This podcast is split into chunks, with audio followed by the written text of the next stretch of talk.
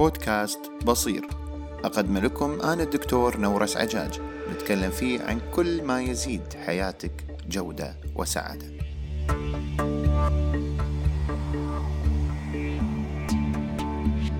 في يوم من أيام الصيف الجميلة أيام الطفولة وخلال تجربتي للعبة سيارات جديدة في ال PlayStation بديت سباق مع خمس سيارات. وكان المفروض عشان أفوز أكمل ثلاث لفات حول المضمار. في بداية اللفة الثانية لاحظت ظهور سيارة شابه سيارتي نفس اللون والشكل ولكن صايرة وكأنها علامة مائية أو شبح يتحرك بين السيارات دون أن يصطدم بشيء. استوعبت بعدين بأن هذا الشبح هو في الحقيقة أدائي في اللفة الأولى. يعني أنا فعليا قاعد أشوف أدائي السابق بشكل مباشر. تذكرت هذا الموقف بعد أن كثر الكلام عن التطور الشخصي وضرورته في حياة الفرد وأيقنت بأن وجود مثل هذا الشبح في حياة كل واحد منا ضروري جدا بل هو حاجة من حاجات الحياة. أذكر أن سباق السيارات تحول من سباق مع الآخرين إلى سباق مع نفسي وللحظة نسيت أصلا أن في سباق. وقمت أركز وألاحظ أخطائي الصغيرة في اللفة السابقة التطور الشخصي والإنجازات والتنمية والتقييم الذاتي كلمات رنانة جميلة ما حد يرفضها والكل يبيها مثل الكرم الشجاعة الإخلاص الإيثار إلا أن معانيها وطرق تطبيقها تختلف من شخص لآخر فالكل يحب الكرم حتى البخيل ولكن مو كل الناس كرماء. وكذلك التطور الشخصي. له تعريفات عديدة. والخلل اللي حاصل خصوصا في زمن ال social media بأن الناس قامت تقارن تجاربها مع نتائج تجارب الآخرين. مثال أنا عندي مشروع تجاري تعبت عليه ويدخل لي 2000 دولار في الشهر وفجأة أجد شخص عنده نفس المشروع وهو في نفس عمري ويدخل له مشروعه 20 ألف دولار شهريا. وفجأة بعد أن أقارن مشروعي بمشروعة أجد أني فاشل أو بحاجة لتطوير نفسي أو أني للحين في بداية الطريق. وهكذا تصنع القدوات الكاذبة وحالات اكتئاب كثيرة لا داعي لها. لابد أنك سمعت بأن التنافس مع النفس هو الأمثل لتقييم التطور على الصعيد الشخصي. وهذه قد تبدو نظرية ولكنها حقيقة وليست برأي. يعني حتى لو جاء أحد يريد تقييم تطورك لابد أن يقارنك بنفسك قبل وبعد. وتذكر بأن قضية ركز في نفسك وقارن نفسك بنفسك لا تعني أن تعيش مع نفسك وتنفصل عن الآخرين. كلامنا هنا يخص تقييم التطور. وبعيدا عن الأمور الشرعية والقانونية وبعض الأمور القيمية الحياة لا تقاس بصح وخطأ بل مجموعة من الاختيارات اللي بعضها ممكن يناسبك أو ما يناسبك أو ممكن تكون مستعد له أو غير مستعد. مثل ركاب الترانزيت تشترك معاهم بالرحلة ومكان الانتظار ثم يذهب كل شخص إلى وجهته. وما حد يقدر يقول لك وجهتك صحيحة أو خاطئة. وخلونا نتفق على شيء بأن الناس بطبيعتها ترى النتائج فقط. يعني لا تدرس تجارب ولا طرق التفكير ولا تحترم السياق في معظم الأوقات. أعطيكم مثال. في دورة لرفع مهارة الحفظ في القرآن الكريم وبعد شهر من التدريب استطاع أحمد أن يصل لمرحلة حفظ ثلاث صفحات باليوم. بينما سالم استطاع أن يصل لأربع صفحات باليوم. الناس فورا بتقول بأن سالم لديه قدرة أكبر من أحمد وهذا الشيء صحيح مئة في المئة. ولكن السؤال هل فعلا سالم متطور أو تطور أكثر من أحمد؟ قبل الدورة التدريبية أحمد كان يقدر يحفظ نصف صفحة في اليوم وسالم ثلاث صفحات في اليوم. وبعد الدورة قدرة أحمد أصبحت ثلاث صفحات باليوم. هذا يعني بأن أحمد تطور أضعاف تطور سالم ولكن النتيجة كانت لصالح سالم. هني لازم نحط شيء في بالنا بأن النتائج لا تعكس في الحقيقة مقدار التطور. ومن الظلم أن تقارن تعبك ومجهودك بنتائج الآخرين. ولما نقول بأن النتيجة لا تعبر عن مستوى التقدم لازم نتذكر بأن لابد من وضع ضوابط وأدوات قياس شخصية لكي لا نخدع أنفسنا بأنفسنا. يعني قبل لا تبتدي تقول أنا كنت عند هذه النقطة وبإذن الله بعد شهر سأقيم نفسي. هل تقدمت تأخرت أم حافظت على نفس المستوى؟ لأنك خبير بتجربتك كلها وأنت الأقدر على تقييم هذه الأمور. وتذكر أنك حتى لو استعنت بشخص لتقييم تطورك هذا الشخص لابد يكون عنده تفاصيل كاملة عن تجربتك. أما أن تقارن تعبك ومجهودك بنتائج الآخرين فهذه أول خطوة في طريق تدمير النفس. على سبيل المثال ما يهمني أن ولدي يكون من المتفوقين في دراسته كثر ما يكون عنده تطور واضح لمستواه التعليمي. فالكثير من الأطفال يدخل المدرسة ويكون متفوق من أول سنة. لأنه هو أصلا متفوق فهذا الوضع الطبيعي له. ويتم طول هالسنين يصنف على أنه متفوق وهو أصلا لا يبذل أي مجهود لهذا التفوق لأن هذا خط البداية بالنسبة له. بينما الطلاب المتوسطين في المستوى تلقى بأن يتم وصمهم في ذلك ويبقى متوسط طول فترة دراسته. التعليم الحقيقي برأيي طبعا هو من يصنع من الطالب المتوسط على مر السنين ومراحل الدراسة طالب متفوق ويعمل أيضا على رفع مستوى الطالب المتفوق ليصل فيه إلى مراحل متقدمة. لذلك إحنا ما نقدر نقيم نتائج الآخرين دون معرفة الكثير عن تجربتهم وأيضا الناس لا يمكنها تقييم تجربتك لأنها تحتاج إلى معلومات كثيرة. لذلك الطريق الأسهل والخاطئ طبعا هو النظر إلى النتائج. في حياتك دائرتين من الناس الدائرة القريبة والدائرة البعيدة. الدائرة القريبة يشوفونك ككتلة واحدة بدون وجود خط زمني أهلك أصدقائك والمقربين.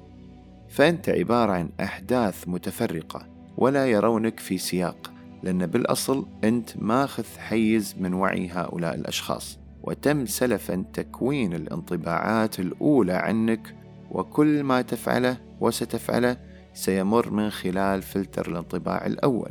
لذلك الأم مثلا يصير ولدها طبيب إلا أنها تصر على زيارة العيادة لتسمع رأي الطبيب. وهذا طبيعي جدا جدا. حتى إخوانك يكونون عنك فكرة وعلى مر الزمان يتم رؤيتك من خلالها. ومن الصعب جدا تغيير الانطباعات الأولى وزرع أفكار جديدة مكانها.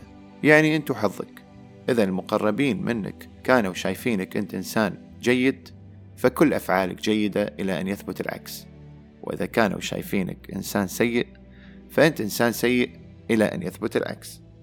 وطبعا نتفق بأنهم لا يستطيعون تقييم تطورك وتجربتك. الدائرة القريبة عادة لا تستطيع رؤية النسخة الجديدة منك لأن مثل ما قلنا تم تكوين الانطباعات الأولى عنك.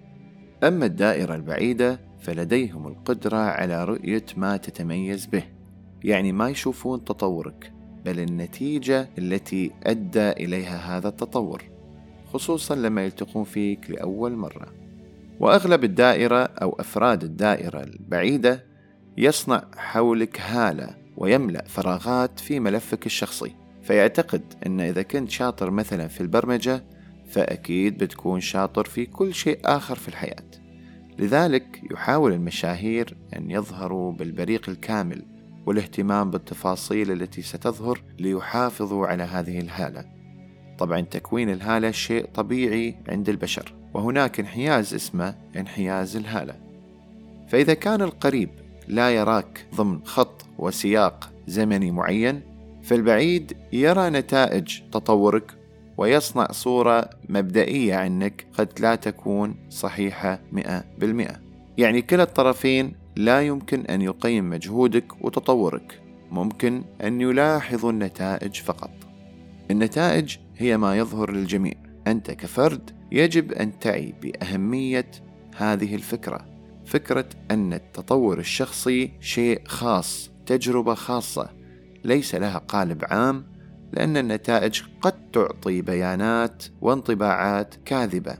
أما تقدير الجهود فهذا شيء أنت تقيمه ومن الضروري أنك تتعلم شلون تقيمه لأن هذا الشيء الذي سيمنحك القوة والدافع عند الخمول والتشجيع والسرور عند البذل. ومثل ما ذكرنا في حلقة لعبة المرايا بأن كل فرد منا عبارة عن كود برمجي فريد. لذلك لا أحد يستطيع فعلا تقييم تجربتك الشخصية والجهد المبذول فيها. طيب في هذه الحالة أنا ما أقدر أستفيد من تجارب الآخرين ولا أقدر أفيد غيري. خطأ. الاستفادة من الآخرين ممكنة وواجبة ولكن تذكر بأنك الوحيد اللي ممكن يقيم تطور الأمور. لا تدع المقياس للآخرين إلا إذا كانت هناك ضوابط قياس واضحة. مقارنة نفسك بالآخرين إن لم يكن لها ضوابط وشروط فهي سلاح ذري ينسف كيانك الداخلي ويلحق به دمارا قد يمتد لسنوات كثيرة. المقارنة تكون للسياق لنقاط التقاطع وقبل أن تلجأ للمقارنة تحدد الهدف منها وتذكر نفسك بأن الغرض منها هو تطويرك أنت لا الحكم على تجربتك أو تجربة غيرك صحيحة أم خاطئة. يعني المقارنة مع الآخرين تكون شيء أقرب إلى الانفتاح على أفكارهم دون الحكم عليها. أنت تقرأ في الشهر ثلاث كتب وفلان يقرأ عشر كتب وفلان يعتقد بأن سر قراءته للعشر كتب هو طريقة تنظيمه للوقت.